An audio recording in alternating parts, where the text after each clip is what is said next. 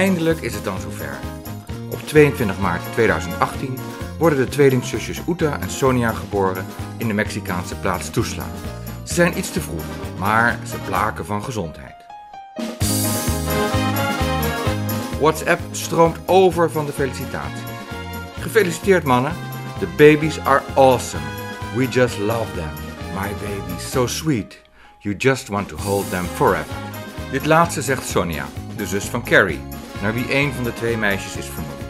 Uta is de naam van Karstens zus.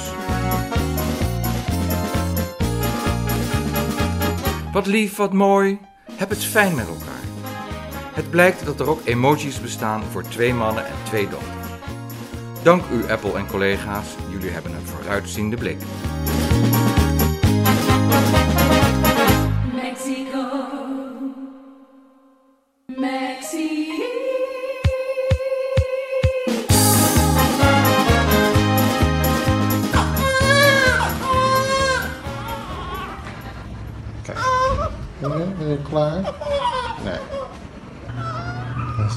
De zus wakker gemaakt. Nee, oh. Ja, ja, ja. Geen haast. De filmpjes volgen snel, van Carrie en Karsten die de kinderen verzorgen. Doe je dat goed, uh, Carrie? Dank je. Say hallo. Oeta. Ah. Hay que comprar una de estas más grande porque ya no hay. Een más grande que esta? Sí, porque Hier wordt een van de kinderen gewassen door Fabiola, die moeilijk herkenbaar is zonder dikke buik. Karsten krijgt instructies voor als hij het zelf moet doen. ya, ya, ya. Ya, ya, ya, ya. Ja. Ella es Sonia. Puta es esa. ja. Mexico, Mexico. Het is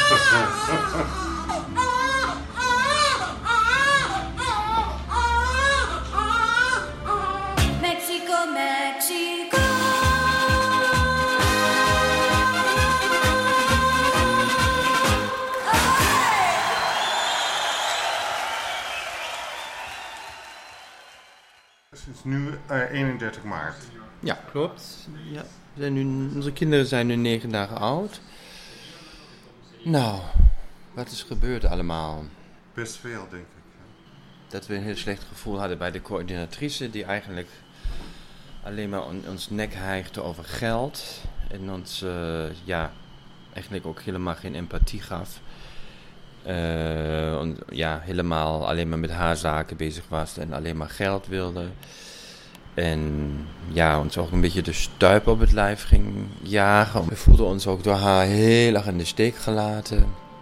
Liet zich ook nooit zien of wat dan ook. Eh, nou ja, en toen hoorden we eigenlijk de, de tweede dag dat we in het appartement zaten, dat ze op staande voet was ontslagen. En wauw, dat eh, kwam maar even binnen.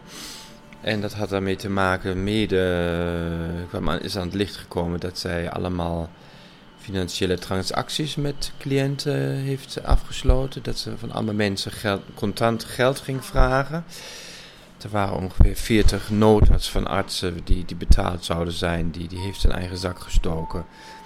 En bij ons was het geval dat die 72.000 pesos die ze ons had opgedragen, die we bij elkaar moesten krassen, door, door 100.000 pinhandelingen te verrichten, ja, dat eh, helemaal niet legaal was. Dat had ze gewoon zelf verzonnen. Je hoort het al. Niet alles rond de bevalling is van een leien dakje gegaan.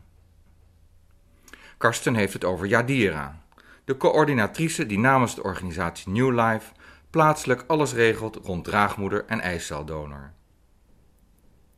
Ze blijkt er een eigen token op na te houden en wensouders geld afhandig te maken.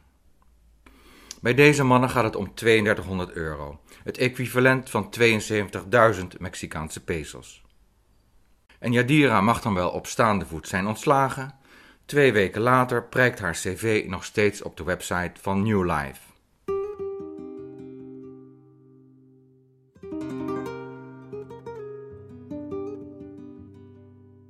Het was ook heel, heel, heel raar verlopen, want dus werkelijk twee uur na de bevalling had ze mij gevraagd om naar een restaurant te komen. En dat, we, dat ik het uh, bedrag aan haar zou overhandigen. En uh, geteld moest ik het dan over, uh, overhandigen. En nou ja, ik, ik had al zoiets van, ik, ik, was het daar helemaal niet mee eens. Want ik, ik, ga niet zomaar een pakje geld in, in een zakje aan haar overhandigen. En ik, ik was echt van mening, nou, ik wilde echt met haar doortellen. En zeker ook met, er was toch dan een arts daarbij, die zou dat ook. En uh, nou ja, toen wilde ze het niet. En ik moest dan maar naar de wc gaan om, om het geld nog een keer door te tellen. En want Kerry had het ervoor geteld. Dus ik ging naar de wc. Ging daar op de grond, want er was helemaal geen tafel of zo. Ging op de grond het geld tellen met stapeltjes peso's. En nou ja, ik, toen ik daar bezig was, realiseerde ik mij, waar ben ik nou in godsnaam mee bezig? Mijn, mijn kinderen zijn net twee uur geleden geboren. Ik ben daar vandaan gehaald door haar met, met, het, met het dringende verzoek om ja, dat dingen, zaken geregeld moeten worden. En ze haalden ons echt wel van die, ja, van die plek vandaan waar we, ja, waar we net gingen schuilen met onze pasgeboren kinderen.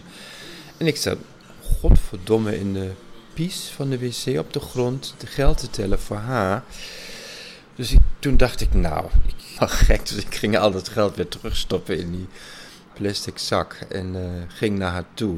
En aan, haar tafel in het restaurant. Ik zei zo met wijzende vinger in, heel, in mijn allerbeste Spaans. Van luister, madame. Uh, mujer, uh, als jij geld wil en, en, dan, dan kom je maar naar me toe. En dan gaan we het gewoon op een plek doen waar, waar, we allebei ons op ons gemak voelen. En ik, ik, ik uh, verwacht ook dat er een, een, nota komt en niet zomaar iets. En uh, alsjeblieft, en uh, daar moet je het mee doen, sorry. Dan ben ik weggelopen en nou ja. En toen, de volgende dag, kwam ze wel naar ons toe samen met de dokter. En hebben we dat geld wel overhandigd, maar ook geteld. En toen heeft die, die, die, die, uh, die vrouw heeft toen ook ons weer weten te vertellen dat ze geen bonnetje had. Zou ze met de e-mail toesturen? Nou ja, wij, ze heeft eigenlijk heel erg misbruik gemaakt van, van, van ja, een situatie waar wij in zaten. We waren gewoon heel kwetsbaar. En nou, toen is ze afgetrokken met die 72.000 peso's. En uh, nou ja, en weg was ze. En uh, nou, ik, nou ja, en dus de volgende dag toen hoorden we dat, uh, want, want, Fabiola, die had, onze draagmoeder, die had wel contact met de organisatie in Cancun, waar het kantoor zit. En had dit soort zaken allemaal doorgegeven. En, uh, nou, en toen kregen, we ineens eigenlijk heel verrassend een e-mail en, apps dat we met haar geen zaken meer moeten doen. Het echt de bedoeling niet is om uh, zomaar geld te geven aan iemand. Alle, alle transacties worden met ja, met notas gedaan en altijd, wordt altijd geld wordt overgemaakt, maar never ever wordt contant geld verstrekt. En uh, nou ja, toen kregen we de mededeling dat deze vrouw per direct op staande voet is ontslagen. En ja, en even later hoorden we ook nog van de arts dat er 40 transacties gewoon, ja, die zijn gewoon ja, niet uitgevoerd of die heeft zijn eigen zak gestoken. Nou ja.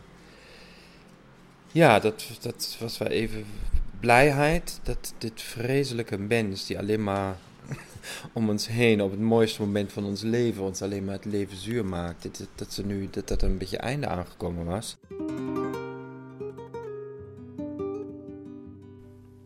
New Life maakt uitgebreid excuses bij monden van Karen Gonzalez, medisch coördinator voor heel Mexico. Ze stuurt een voicemail. We're very sad and, and we are very upset for all the situation and all the things that you and the other IPs have been through. It is very frustrating that one day to another, another person without values can just throw all our work into the garbage and give you this final result. This is not what we have been working for, Carrie, and I really want to make sure that you understand that. All the team here everyone is so, so, so mad and so ashamed and so sad for Yadira's behavior. I have known her for many years now. Um, I will never imagine that she was going this way or that she was doing this stuff. But at the same time, we find many things awkward, like many IPs that are now in Tuxtla, they stopped talking to us in the offices in Cancun. We didn't know why. Uh, maybe she was, as you say, she was adding a lot of stress, and of course, she was creating a bad image of the company with you, and that's a normal reaction. But now everything is clear, and now I, I know why all the IPs were so stressed. Het was Karen Gonzalez al opgevallen dat veel wensouders gespannen waren en niet meer met New Life wilden praten. Ze noemt de wensouders IP's, Intended Parents, het jargon in deze wereld. Maar je vraagt je af hoe iemand die zij, naar eigen zeggen, al zo lang kent, zoiets kan doen. Hoe goed ken je haar dan? En welke dokter was bij Yadira toen ze het geld aftroggelde? Was dat wel een dokter? Mariam De Honor, the, the founder of the company, she's aware of everything. She was actually the one who called me this morning. She updated me and uh, she gave me instructions to talk to IPs. Now about your case, uh, I know that the twins are fine. Uh, I'm glad for that. But at the same time, I would like to know how we can help you. Uh, do you need something right now? How is the legal process going? How is the legal process going? Ja, op dat vlak loopt het ook niet op rolletjes. Daarover later meer. De voicemail van Karen Gonzalez is langer dan je hier hoort. Maar als ik nog eens goed luister, een sorry of excuses hoor ik niet.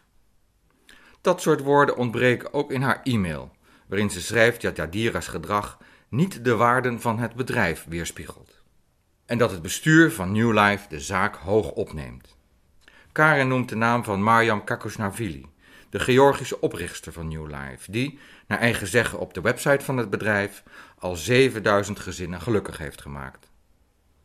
Juist in de periode dat dit speelt, is zij op televisie te zien in de serie De Baby-industrie van Caro en CRV over internationaal draagmoederschap.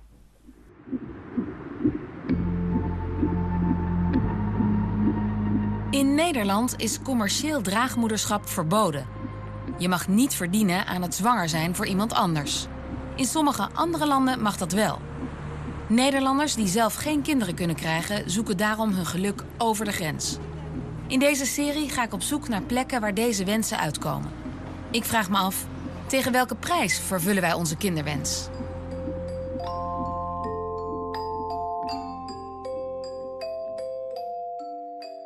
Wa- Wat ik vind ook heel moeilijk is dat eh, die eh, surrogaat, de, de waren allemaal in een heel slechte woning geplaatst. Eén vrouw had- moest op de, op de grond slapen voor een paar dagen of zo. De bed was stuk, Het de bed was stuk of zo, maar ze, ze slaapt heel slecht en was niet goed. En haar placenta was los aan laten. En eh, dan ze moet zo eh, in zo'n slechte manier behandeld worden. En ja, dat is wel. eh, dat heeft me wel geraakt. En de verhaal dat eh Fabiola heeft ons verteld over wat zij heeft meegemaakt in haar eerste woning. En Hoe de woning eruit zag, hè? hoe het eruit zag, Ja. maar niet alleen maar dat, maar ook ehm, eh, met, de, met de muggen en ehm, dat, eh, de geur was niet schoon. Ja, zoveel dingen waren niet goed. Dacht, nou, eh, waar zijn we beland? Ehm, ja, on- on- ongehaarde wegen, een riool in het midden van de straat. Ja, mijn appartement aan de binnenkant was wel prima. Ja. Maar Die de buitenkant, geur- dat buiten geur. was niet goed, nee. Ja, en dan ik dacht, ja, eh, we gingen daar samen met de coördinator en ehm, zij deed alsof het helemaal normaal is. Ja. En dan later om te realiseren dat zij deed dat en zij wist wel dat het vreselijk was. Als ik daar nu over nadenk, ik denk, ik word nog steeds, vind het wel pijnlijk. Ja. Om te denken dat je hebt wel dat, dat geld betaald. Heel veel. eh, heel veel geld betaald. 1.500 euro voor eh, dollar En, voor ja, en dan wonen ze onder deze omstandigheden. Ja. Dat is echt niet... Ja. Ik dacht, nou, dit klopt helemaal niet. Dat is Nee. niet de new life die wij hebben meegemaakt. We hebben toen ook gedacht, nou, we, we- als het kan, eh, komt Fabiola bij ons. Dus dat ging ook eerst mee naar het hotel. Dat ging eigenlijk al heel snel voor de bevalling. En toen ook na de bevalling dachten we, nee, dat... Zij gaat niet daar terug. nee, nee, nee. Maar na de eerste... Na de, ze, ze moesten wel nog één nacht slapen. Maar de volgende dag hebben we wel met haar afgesproken. Naar het hotel gebracht. Ja, ehm, uitgenodigd voor, ontbijt. En zij is nooit meer vertrokken. ja, ja. ja. Ja. Nou ja, en die, die coördinatrice had toen ook nog zo gezegd dat het zo slecht is om... eh, Zo om te gaan. Ja, maar je moet toch echt de grens trekken. Wat zei ze ook weer inhoudelijk? Waarom? Eh, u moet inhouden, ja, u moet inhouden omdat, ehm, omdat eh, wat kan wel gebeuren is dat eh, de draagmoeder wordt jaloers. eh, omdat eh, je, zij krijgt niet meer de aandacht ja, meer. Ja. Maar dat aandacht gaat naar die kinderen. dat was een beetje infantiele Dat is echt ja. heel stom. En, Ja. en Fabiola heeft het me meteen ja. als stom Die draaide ook de ogen om. dan wat Ja, ze zetten natuurlijk heb je dat. Ja, ja. hoe stom een je zijn. huis. Maar ik vind het wel fijn dat zij hier in huis is met ons. Ja, het gaat gewoon helemaal vanzelf. En eh, Ja, ja, we, we werken gewoon met elkaar. Die, die eh, schoonzus, Loepe, die helpt ook waar ze gaat heel vanzelfsprekend haar gang. Maakt schoon, eh helpt met, de kinderen. Met de kinderen ook. Ze pakt ze op. Eh, wij doen de kinderen allemaal met z'n allen eigenlijk. Ja. We kijken eindeloos eh, naar novella's op televisie. De Discovery Channel. Non-stop. dat gaat de hele dag. Ja, de televisie is heel Ja, erg aan. dan Ja. gaat weer de dweilen door de woning. En dat is gewoon essentieel hoor. De, in, in Mexico hier, je moet gewoon het huis schoonhouden. Met, anders heb je heel gauw insecten hier binnen. We zijn eigenlijk blij dat het is uiteindelijk zo gelopen. We zijn eigenlijk de, de afgelopen tien dagen samen hier aan het kramen. En eh, ja, We hebben heel veel Ja, geleerd. en ook heel gek, want in Nederland werd ik steeds gevraagd: Goh, heb je al kraamzorg? Eh, ik had geen besef wat ze daarmee bedoelden, maar dat is gewoon als je net neergedaald bent met je, met je nieuwe leven wat je hebt gekregen, ja, dat, dat er ook hulp van alle kanten komt. eh, je ritme wordt omgedraaid, dat iemand jou slimme adviezen kan geven. En ja, dat, dat, Ja. eh, dat doen we hier eigenlijk met z'n allen. En dat is Ja. zo'n zo'n zo'n mooi cadeau. Dat, dat we dat van, van ja, Fabiola corrigeert ons, vooral mij. Kerry is iets handiger met de kinderen. Maar de hele dag eh, ja, krijgen we heel veel tips en hou het kind Ja. zo. En dat, eh, nou ja, met het boertje laten. Ik wist nooit dat zo'n boertje zo belangrijk is. Zeker Heel voor belangrijk. Ja. vroeggeborenen. Ja. Dat eh ja, moet toch wel lichtjes daar op de, op de ruggetje kloppen. Of Ja. een beetje aaien tot er een boertje hoort. En eh, nou ja, dan, dan wist ik niet.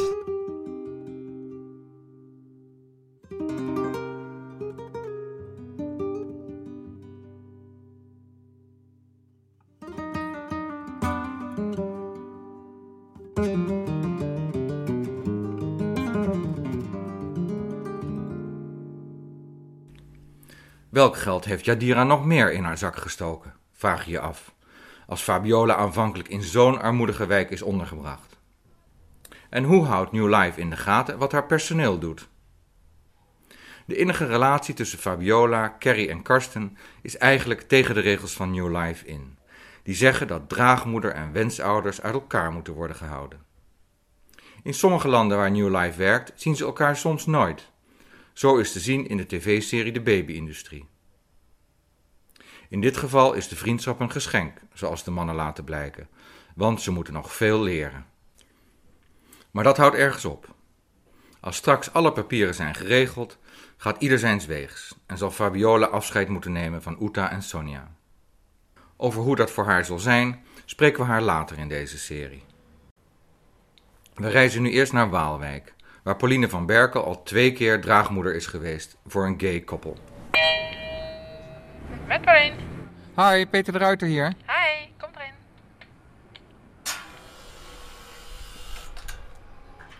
Nou, een hek gaat open. Enorm hek. Uitrit vrijlaten. Hier is nog een deur. Nog een wel. Oh, nou. dag. Peter de Ruiter. Pauline van Berkel, kom maar in. Dankjewel. Hier naar boven. Hier naar boven. Stalen trap.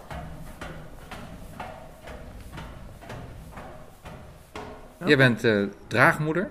Ja. Kun je in het kort vertellen hoe dat zo gekomen is? Ik ben in 2010 serieus met het plan bezig gegaan. Dat ik eh, eh, draagmoeder wilde worden. In 2013 ben ik bevallen van een meisje. Die heeft, eh, die heeft twee vaders. En in 2017, eigenlijk afgelopen oktober, dus nog vrij recent, heb ik het nog een keer gedaan. Voor twee andere vaders. En, en hoe kwam je op het idee om dit te gaan doen? Dat begon ermee dat ik, eh, ik heb drie kinderen. En bij de eh, bevalling van de derde, daarna dacht, dacht ik, van, nou, dit, dit ga ik dus nooit meer meemaken. Want ik vond ja, drie kinderen best eh, vrij, vrij snel op elkaar ook best veel, best heftig. Ehm, ik wilde geen vierde kindje, maar ik vond het wel jammer dat ik dan dus nooit meer een bevalling zou meemaken. En ehm, dat gecombineerd met dat mensen in mijn nabije omgeving eh, ongewenste kinderloosheid meemaakten. En dat je dan van dichtbij ziet wat, wat een verdriet dat kan doen. En ik, ja, en ik, ik kan wel heel makkelijk zwanger raken en kinderen krijgen. En, en andere mensen is dat dan niet gegund. Ehm, ja, bij elkaar heeft dat ervoor gezorgd dat ik eh, serieus draagmoederschap ben gaan overwegen. En, en dat was dan in eerste instantie bij, bij vrienden in de, in de buurt? Eh, nee, want dat, dat stel is gelukkig uiteindelijk via IVF wel in verwachting kunnen raken. Dus Mhm. die hebben zelf kinderen kunnen krijgen. Maar dat is wel de, waar de gedachte vandaan kwam voor mij. Om daar iets aan te kunnen doen. Dus je hebt toen gekeken naar een ander stel dat ongewenst kinderloos was? Ja. En, en hoe heb je daar naar gekeken? Eh, ik ben eerst gewoon gaan zoeken. Wat, wat mag in Nederland? Wat kan er? Wat, hoe werkt het? En eh, vrij snel voor mezelf geconcludeerd dat ik ehm, voor mezelf ingeschat had dat ik eh, met, met eigen eicel of iemand anders eicel, dat het voor mij emotioneel geen verschil zou maken. Ehm, en daarom ben ik ook al vrij snel uitgekomen bij een, een homostel, twee vaders. Want dan hoef je dus niet zo'n eh, IVF-procedure door om met andermans eicel in verwachting te raken. Dan kun je gewoon zelf inseminatie, kun je het zelf regelen. Ehm, ja, zo, zo ben ik daarbij uitgekomen. En, ehm, en waarom een homostel?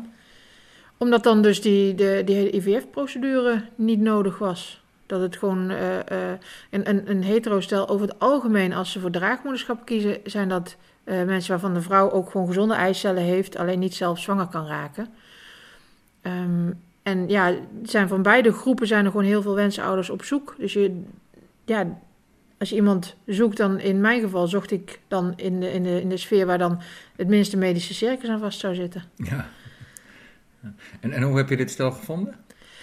Ehm, nou, ik ben destijds begonnen een blog bij te houden. Dus opschrijven alles wat ik vond over draagmoederschap, over wat er wel en niet kon, over mijn gedachten. Dus ook heel veel mijn gedachten op, op papier aan het schrijven geweest. En dit stel had dat gelezen. Die was er aan, aan het meelezen geweest. En die had een keer een berichtje gestuurd. En eh, op dat moment stond ik er nog niet voor open. Ehm, maar we hadden wel contact gehouden. En op een gegeven moment eh, heb ik ze inderdaad een berichtje gestuurd van... Goh, laten we eens kennis maken. Maar ik heb ze dus, ja, als je het zo wil zien, wel hiervoor leren kennen vanwege draagmoederschap. Het zijn niet, niet mensen uit mijn eigen vriendenkring. Origineel. Inmiddels wel. Want want je zegt, ja, je hield een blog bij, dus zij kwamen erachter dat jij gedachten had over Ja. het, worden van een draagmoeder. Ja. Want het is, eh, formeel is het niet eh, toegestaan om je uit te geven Ja, als klopt. draagmoeder. Ja, je mag niet, je mag, officieel mag je geen oproep doen voor wensouders. Wensouders mogen ook geen oproep doen voor eh, draagmoeders in, de, in, de, in de media. Toen hebben jullie elkaar ontmoet voor de eerste keer. En ja. dan neem ik aan dat je wel kijkt of er een klik is. Ja, en, en die was er gelijk. Ik vond ze een on- ontzettend aanspreken, ontzettend... eh, eh, ja, ze stonden gewoon op dezelfde manier in het leven als ik. Op dat, op dat moment helemaal was, waren we allebei een beetje eh, in de, alle drie, in, in dezelfde ehm, ja, mindset, zeg maar. En, en, en gedachten over, over het leven en de wereld. Om te leven vanuit potentie in plaats van vanuit angst. En ja, daar hebben we elkaar wel heel erg in gevonden toen. En, en zijn jullie toen met elkaar op vakantie gegaan of zo, om elkaar beter te leren kennen? Of- nee, we hebben wel... was het niet wel- belangrijk? Jawel, ja. Het is, ik, vind, ik vind het heel belangrijk om elkaar te leren kennen. Als je, als je als draagmoeder het stel nog niet kent, en dat is heel zeldzaam hoor. De meeste draagmoeders die je kent, die dragen voor, voor eh, broers of zussen of, of eh, mensen die ze heel goed kennen, familie, buren. Maar ehm, ik vind als je, als je elkaar nog niet kent, dan moet je daar ook echt wel de tijd voor nemen. Dat hebben we wel gedaan. We zijn niet op vakantie geweest. Eh, we zijn uiteindelijk wel een weekendje weg geweest, maar toen was ik al in verwachting. Maar gewoon heel vaak afspreken, heel veel eh, ja, samen gesprekken en zo. Maar ook leuke dingen, een, een dagje uit. En gewoon de tijd nemen om elkaar echt te leren kennen. Want je zit voor de rest van je leven aan elkaar vast. Want, want, want jullie hadden de intentie ook om een soort co-ouderschap te introduceren? Nee, nee. En, en dat is nu ook zeker niet het geval. Eh, eh, Emma is en, en, en is het tweede kindje, zijn absoluut dochters. Emma heet. Emma, de eerste heet Emma en de tweede Liv. Zijn absoluut dochters van hun vaders. Eh, ook juridisch. Er is een adoptieprocedure geweest voor beide, dus ik ben ook juridisch hun moeder niet meer. Heb je afstand gedaan? En, ehm, dus ja, juridisch is daar ook echt geen band meer. En dat is ook nooit de bedoeling geweest. Maar ik blijf wel in beeld. Omdat we allemaal dat gewoon belangrijk vinden. Dat die meisjes weten waar ze vandaan komen. En ook weten wat hun genetische achtergrond is waar, waar ze vandaan komen. Want Emma is hoe oud nu? Eh, Emma is vier, bijna 4,5. Ja, 4,5. En die vraagt zich af, waar is mama? Ehm, nou, dat weet je dus al. Als ik daar nu op bezoek ga, dan zeggen ze al: Hé hey Emma, weet je wie er straks op bezoek komt? Je moeder komt straks op bezoek. Dus dat, dat weet ze al. Maar ik verwacht wel dat ze dit jaar, dan gaat ze voor het eerst naar school. En dan gaan de klasgenootjes die vragen: Maar wie is jouw mama dan?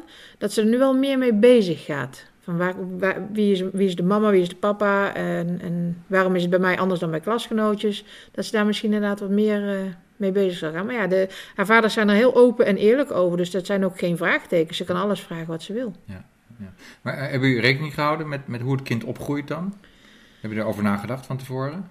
Ja, ja. Want toen ik echt heel, heel, heel in het begin, toen ik hier voor het eerst mee begon, toen dacht ik nog van, nou, dan krijg ik zo'n kindje en daarna verbreken we het contact. Maar zodra ik ook maar een beetje begon in te lezen, kwam ik er ook al achter dat dat eh, voor zo'n kindje niet goed is. En eh, ik heb het toen ook met mijn kinderen overlegd. Want ik denk, als die het niet willen, dan, dan ga ik er niet eens aan beginnen. En een van de eerste dingen die mijn oudste dochter zei, was, maar mogen wij dan het kindje nog wel zien? Nou, vind ik ook heel belangrijk. Als zij dat, als zij dat contact willen houden, en natuurlijk willen ze dat houden. Ehm, dus daar, daar was ik al vrij snel uit van, dan willen we dat contact dus behouden. Want dat is voor mijn kinderen en voor de kinderen die dan geboren worden, belangrijk. Dus ja, daar zijn we wel heel bewust mee omgegaan. En, en, en voor jouzelf? Ik ben nu ook blij met hoe het nu. eh, dat, dat we inderdaad toch. ik weet niet waar ik dat. En dat was ook maar heel kort doordat ik dacht van laten we het contact maar verbreken. En ik weet niet waar ik dat vandaan had. Maar eh, Ja, het lijkt me een hele technische beslissing voor een moeder. ja. Zeker als je al twee kinderen Ja. hebt gehad en je weet hoe dat is. Eh, ik, ik heb drie kinderen. Oh, drie maar, kinderen, Maar inderdaad, ja, nee. eh, nou, dat is sowieso niet te vergelijken hoor. Maar dat is een, weer een ander verhaal. Het was gewoon heel in het begin, toen ik pas net begon na te denken over draagmoederschap en is dat mogelijk, dan, dan is het een heel abstract idee. En toen ging ik er eigenlijk vanuit dat het contact verbroken zou worden. En dat zat ook mee in mijn overweging van kan ik dit nooit meer contact hebben? Dus het is gewoon heel kort door mijn hoofd geschoten. En uiteindelijk, denk, nu achteraf denk ik, nee, natuurlijk wil je contact houden.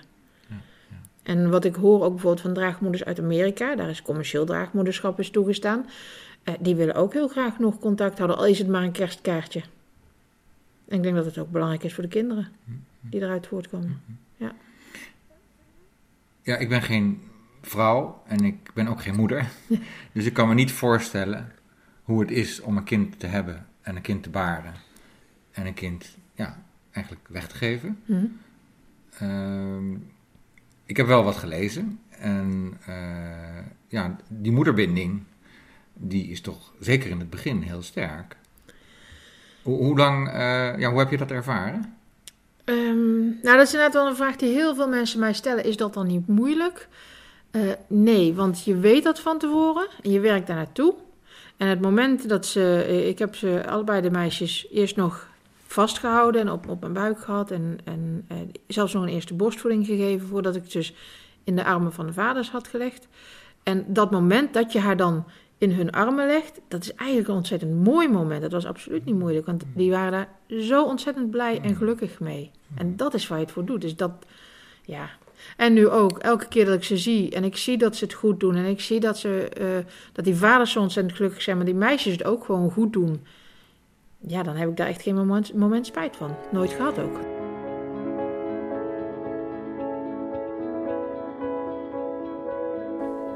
Ron en Duco, beide 30 jaar oud, zijn het tweede stel voor wie Pauline draagmoeder is geweest.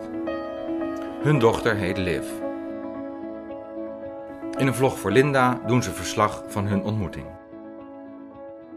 Nou, ik heb bij eh, de stichting Meer dan Gewenst heb ik een lezing gegeven een keer over mijn ervaring als draagmoeder. Eh, voor een, een zaal vol homomannen. was ontzettend leuk om te doen. Het was een hele mooie presentatie met, met foto's eh, en een heel persoonlijk verhaal. Ja. Eh, en dat, ja, dat was wel iets dat we beseften van, hé hey, wacht, dit is misschien wel een hele reële optie voor ons. Waar we eigenlijk helemaal nooit bij stil hadden gestaan tot het kon. eh, werd het opeens wat tastbaarder. Bij de naborrel heb ik ook mensen gesproken, daaronder ook Duco en Ron. Eh, en toen hadden ze al een hele leuke indruk op mij gemaakt. Ik weet nog wel, toen we wegliepen, toen zei jij zelfs, ze keek in mijn ogen. Eh, en ja, het was alsof er een soort vonkje daarover ging van, hé, hey, dit is iets. Eh, toen heb ik later via zwangervooreenander.nl ook weer contact met hun gekregen.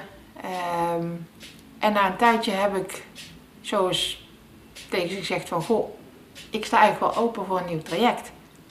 Wat vinden jullie daarvan? Nou ja, die waren natuurlijk eh, super enthousiast.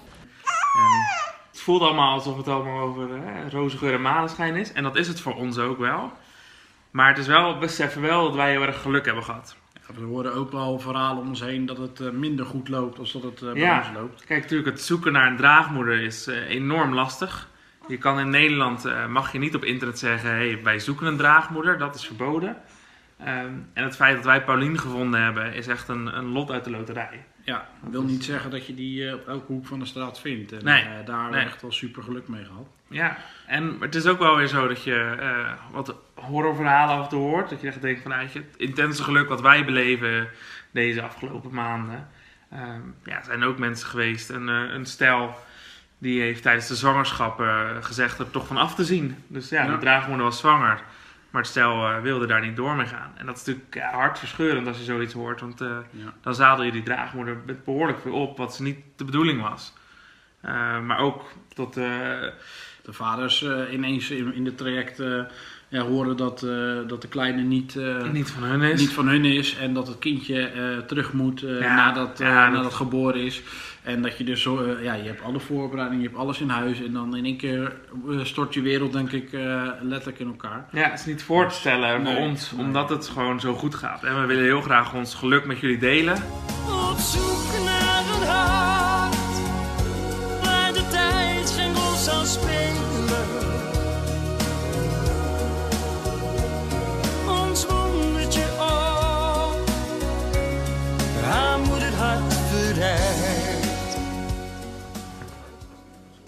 Ja, Quincy, we hoorden en zagen jou. Eh, is dit liedje echt bedoeld om die draagmoeder te vinden of wil jij gewoon doorbreken als zanger? Nee, dit liedje is echt bedoeld voor ons om eh, de draagmoeder te vinden. Eh, maar ook denk ik dat het liedje heel veel mensen raakt eigenlijk. Omdat het eh, voor ook hetero stellen of lesbisch stellen of iedereen die eigenlijk daarmee bezig is. eh, Iedereen met een kinderwens. En eh, nou ja, die, het is niet voor iedereen vanzelfsprekend Nee. dat zo'n wens ook in vervulling gaat. Remco, hoe lang zijn jullie al bezig met die zoektocht? Wij eh, zijn inmiddels wel vier jaar bezig met deze zoektocht. En in die vier jaar tijd hebben we een vijftal teleurstellingen al gehad. En wij zien dit ook eigenlijk als een van onze ja, laatste middelen zeg maar, om te kijken dat het op deze manier gaat lukken. Hoe ver ga je om je kinderwens te vervullen? Quincy en Remco uit Gelderland brengen een liedje uit om hun zoektocht naar een draagmoeder te ondersteunen. Zo blijkt uit dit verslag van Omroep Gelderland. Carrie en Karsten uit Amsterdam hebben ook enkele jaren tevergeefs een draagmoeder in Nederland gezocht. Maar terug naar Pauline van Berkel, de draagmoeder waar Ron en Duco en een ander gay koppel het zo mee hebben getroffen. Hoe reageert je om- omgeving hierop?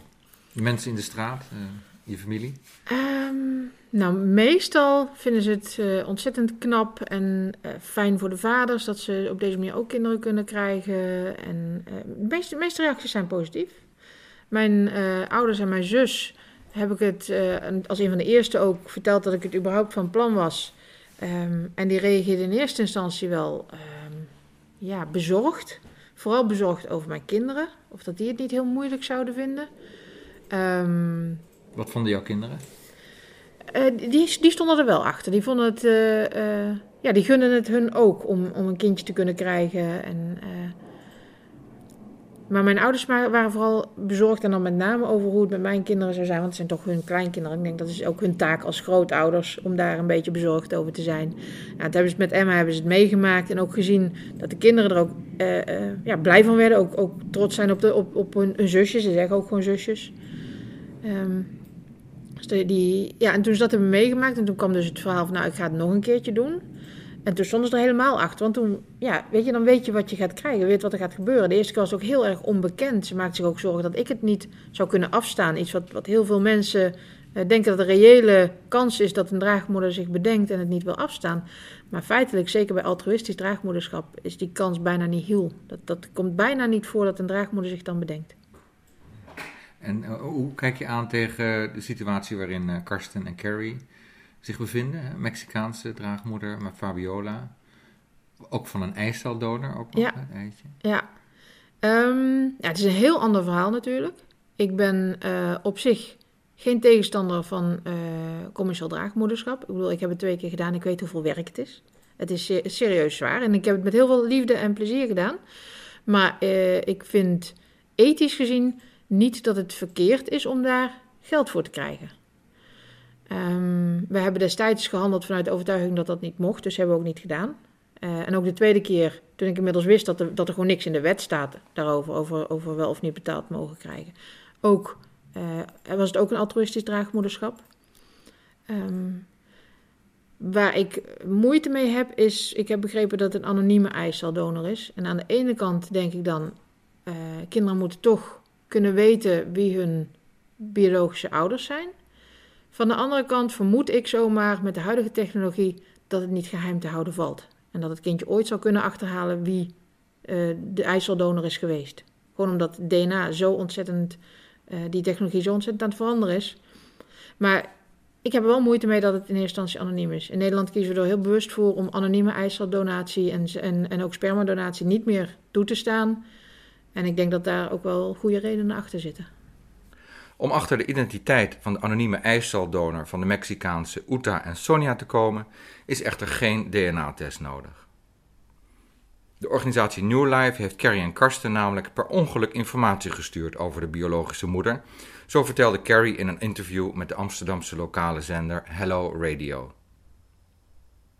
wij per ongeluk hebben informatie gekregen over de biologische moeder.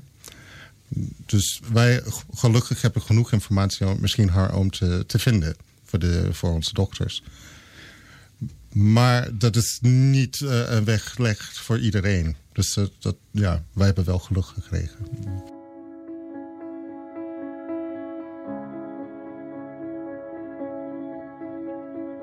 Dat is een mooie foto. Kun je zeggen wat erop te zien is? Eh, nou, ik zit hier links. Dit is, op een baarkruk. Ik had een eh, bevalbad erbij, maar op het laatste moment wilde ik er toch uit. Dus ik zit op de baarkruk, mijn man achter mij. Dit zijn de vaders die dus, nou ja, ontzettend geëmotioneerd. Ja, ik zie ze de, de tranen van de wangen vegen. Ja, en op bed zitten mijn, eh, mijn, do- mijn, mijn dochters en mijn zoon. Die waren er ook bij. Nou, dat is een hele goede vriendin van mij, die had ik erbij gevraagd. Nog even het geboortekaartje. Dit is, dit is die van de vaders en dit is die van mij. Dus het is praktisch hetzelfde geboortekaartje, alleen een andere eh, tekst. Eh, ze Ja. hebben tiny hands, tiny feet. There is someone new for you to meet. En bij mij staat er trots nogmaals van twee lieverds papa's te hebben kunnen maken.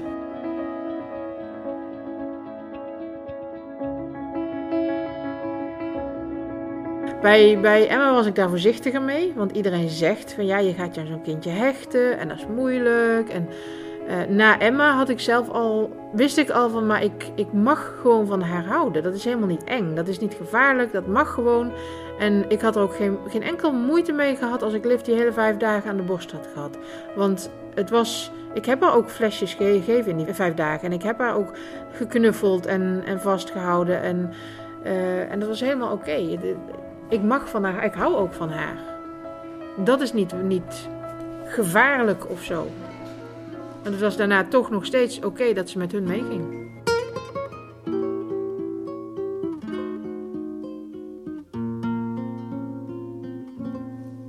Gracias a la vida. Negen maanden later ga ik bij Karsten en Carrie langs om Uta en Sonja te bewonderen. Om te horen hoe de mannen zich nu voelen en om te vernemen hoe de afgelopen maanden zijn verlopen. Zo stond plotseling directeur Mariam Kukunashvili van bemiddelingsorganisatie New Life uit Georgië voor hun deur in Amsterdam-Noord.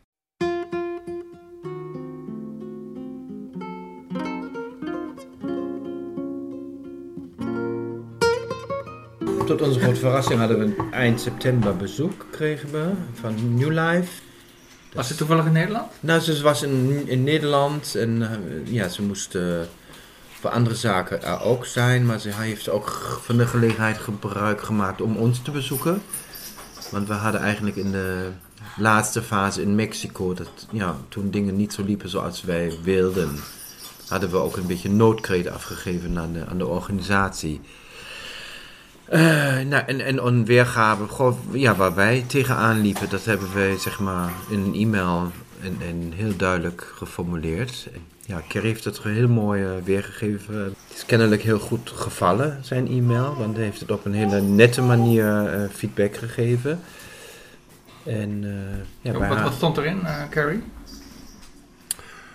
Eigenlijk alles over wat er voor ons is gebeurd. Ook dat ehm, wat op het einde is ge- gebeurd was niet zoals de eh, onze eerste ervaring met New Life.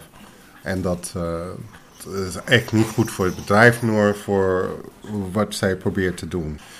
The intended parents, dat ze echt voor verzorgd worden. Dat is heel belangrijk. Dat, eh, ze wordt niet alleen maar op een lot gelaten ergens. En- Dat, dat, zo voelden jullie dat, dat jullie aan, aan jullie lot waren overgelaten. Ja, met, eh, als je denkt over al die omstandigheden, alles wat is gebeurd in dat korte periode, ja, we voelden wel alleen.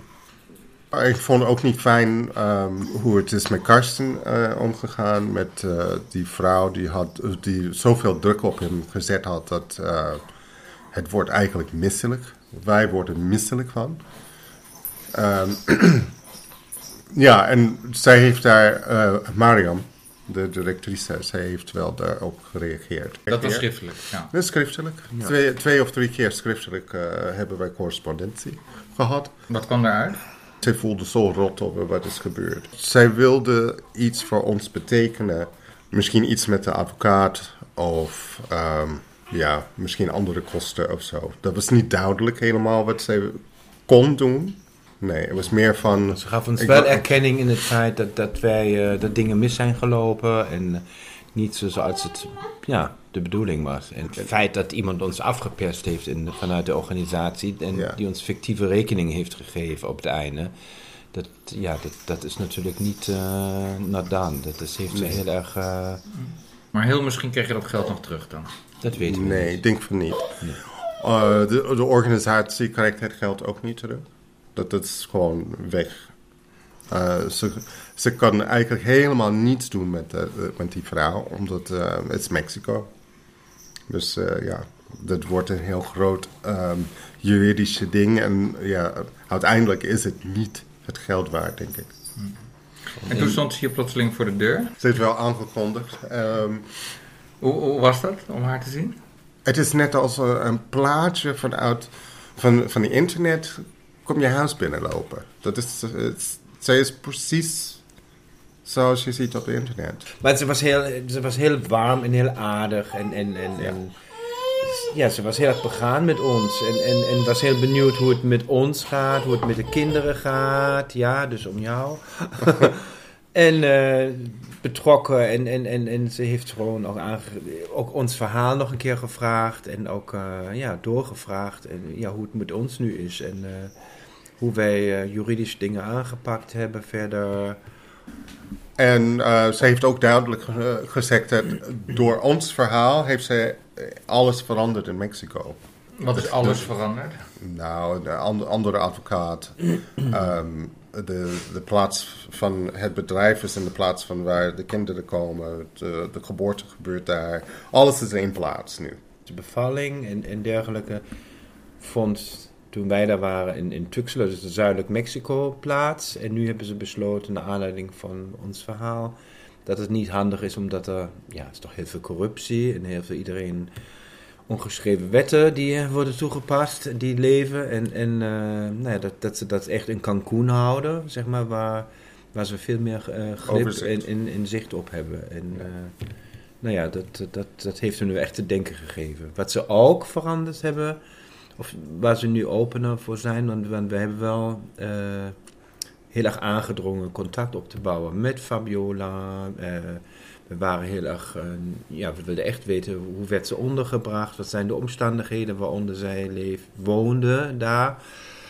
En wij zijn gewoon contact met de, de draagmoeder aangegaan. En dat, eh, Maar dat- dat dat hebben werd jullie- aanvankelijk heel strikt gescheiden. En dan, dat, daar willen ze ja, zich nu ook op bedenken. Dat het gewoon, ja, je kan dat niet allemaal con- controleren tot het einde. En dat strikt apart houden. Dat is niet, niet haalbaar. Dat is voor de draagmoeder niet fijn. En dat is voor de, ja, voor de kinderen niet fijn. Niemand, niemand schiet er iets meer op. Waar het op neerkomt is dat New Life overweegt wensouders, draagmoeders en eiceldonoren meer en beter met elkaar in contact te brengen. Voor en na de geboorte. Het contact met de draagmoeder was al redelijk goed geregeld, maar dat met de eiceldonor is in dit geval min of meer toevallig tot stand gekomen. Daarover meer na deel 4. Terug naar Carrie en Karsten. Dus je hebt het idee dat de gevoelens eh, van de verschillende deelnemers aan het proces, om het maar plastisch te zeggen, beter worden gerespecteerd. Ja, ik denk dat we wel een eye-opener eh, Ja.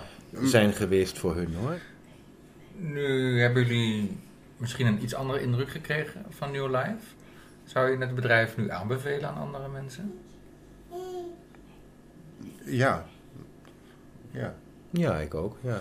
Ik denk, als je de middelen hebt en je, je wil die keuze maken, en, eh, ja, dan vind ik de New Life toch een organisatie die ook probeert je echt te helpen. Dat, dat, ja. Nu, hebben we in Nederland de eh, klinieken aangekondigd dat ze ook eh homostellen willen gaan accepteren. En eh, dus dat ze ook een eh, bevruchting eh, tot stand willen brengen. Waarbij niet alle, al het eh, materiaal van de intended parents zijn, hè, van de wensouders. Mhm. Dus je mag dan als homostel aankomen met een eitje van de een en een draagmoeder van de andere kant. Mhm. Ehm, dat betekent dus eigenlijk dat die internationale route niet meer strikt noodzakelijk is. Hoe, hoe voelt dat nu eigenlijk? Weet ik Als niet, je als ik- in, in retrospectief? Nou, als, als ik het op ons, onze situatie eh, terugkijk, ja, je moet dan, dan alsnog moeite doen om een eiceldonor in je vriendenkring eh, te vinden. Dat- En, dat, En een draagmoeder. En een ja, draagmoeder. en dat, dat vraagt ook weer heel veel. eh, Ja, het is leuk bedoeld, Nederland, maar het is niet de oplossing. Er zijn heel veel mensen met een wens, heel veel mensen met de mogelijkheid, met de liefde nodig om een familie eh, te, te stichten. En eh, zo is het toch net zo moeilijk als eerder. Het is wel mogelijk nu, hoera, maar het is niet makkelijker. Yummy, yummy, yummy. En dan is het etenstijd voor de kinderen. Mm, good girl. Want we zijn er tijdens het gesprek aan voorbij gegaan dat er twee vrolijke tweelingzusters in de woonkamer rondkruipen. Die soms op ballen drukken waar geluid uitkomt, of die de speelvloer van zachte puzzelstukken deconstrueren. En er is ook nog een Amerikaans nichtje van Carrie op bezoek, met haar dochter. Doe je dat altijd zo, Carrie? Een hapje voor de een, een hapje voor de ander? Ze zitten naast elkaar? Ja, zo doe ik het wel, ja. Ik denk soms ehm, één op één. Eén, eerst één eh, eten geven, dan de andere. Dat kan ook. Maar vaak is het dat de een begint te houden voordat de ander klaar is.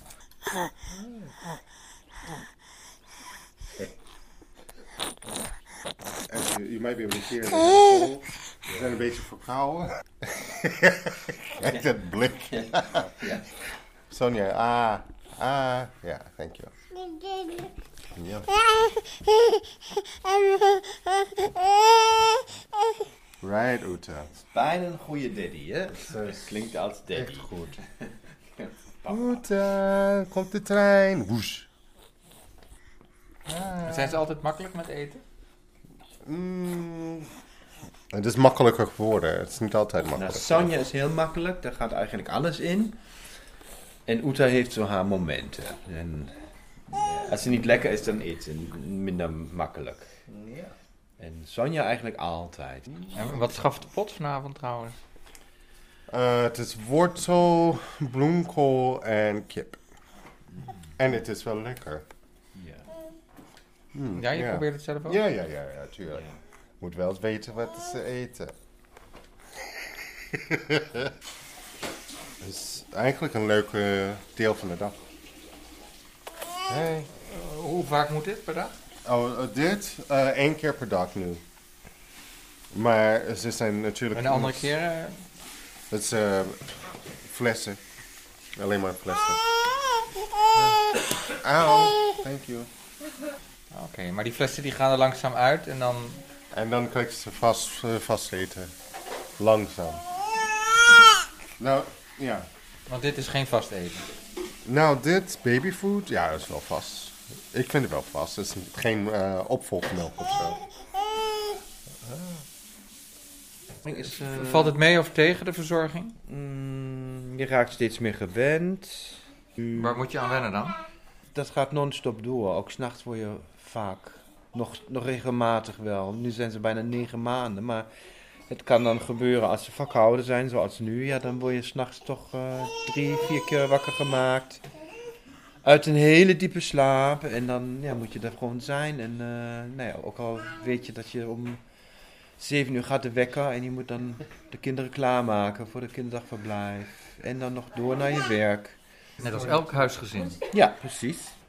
Dus dat is soms een beetje, ja, niet makkelijk, maar goed, je hebt ook geen tijd om, om eh, of even te pauzeren. Dat, dat, dat zit er gewoon niet in.